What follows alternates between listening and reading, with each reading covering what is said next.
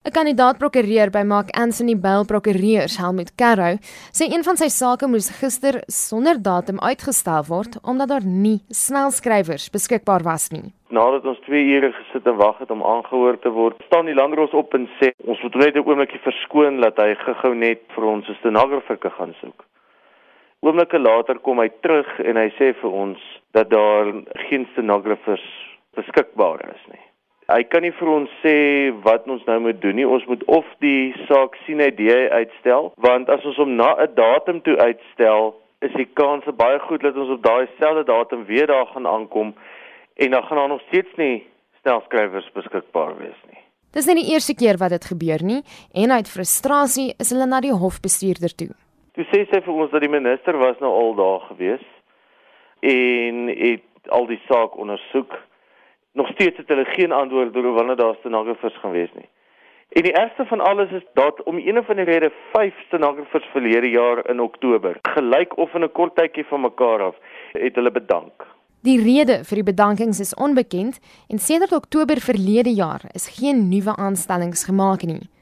Ook sê die infrastruktuur in verskeie ander howe in die Gauteng provinsie is net so 'n groot bron van frustrasie landroshowe in Vanderbijl Park waar die mense vir my sê dit lyk soos 'n verlate gebou wat daar aan die vlak staan.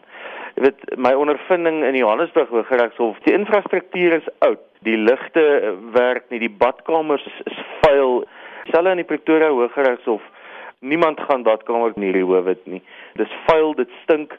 Ook wat die hofpersoneel aanbetref baie keer is, is jy loop jou vas teen verskriklike onbeholpenheid jy van bakboot na stuurboot gestuur word die hele dag lank. Dr. Luan Kerloos, 'n strafregkenner verbonde aan die prokureursorde, sê die gebrek aan snelskrywers ontneem landsburgers van hulle reg om 'n billike verhoor tot in die land se hoogste howe te kry. Volgens hom spreek die algemene agteruitgang van 'n gebrek in politieke wil.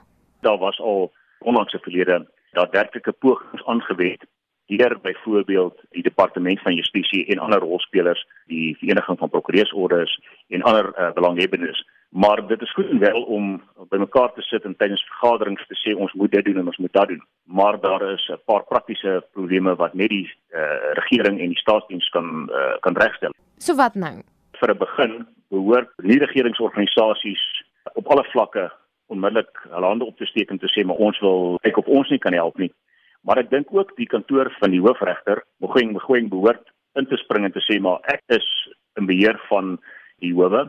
Ek wil seker maak dat my regters en my landroste wat onder my resorteer, hulle werk behoorlik kan doen. Hy meen verder verskeie rolspelers wat by die howe betrokke is, is onder nuwe leierskap wat hulle posisies moet begin gebruik om op te ruim. As jy mens net kyk na die georganiseerde professie, eh, dan sit ons heidaglik met 'n regspraktyke raad wat in November verlede jaar in werking getree het. Dan is daar die nuwe nasionale direkteur van openbare vervolging wat onlangs aangewys is. Daar is natuurlik polisie wat uh, allerlei leierskapveranderinge onlangs ondergaan het en al hierdie partye met hulle nuwe leierskap behoort te wys dat hulle inderdaad verdien om in daardie posisies uh, te wees. Dit was Dr. Louwelen Kerloos, 'n strafregkenner verbonde aan die Prokureursorde. Ek is Marlene Forsiefer, SAK nuus.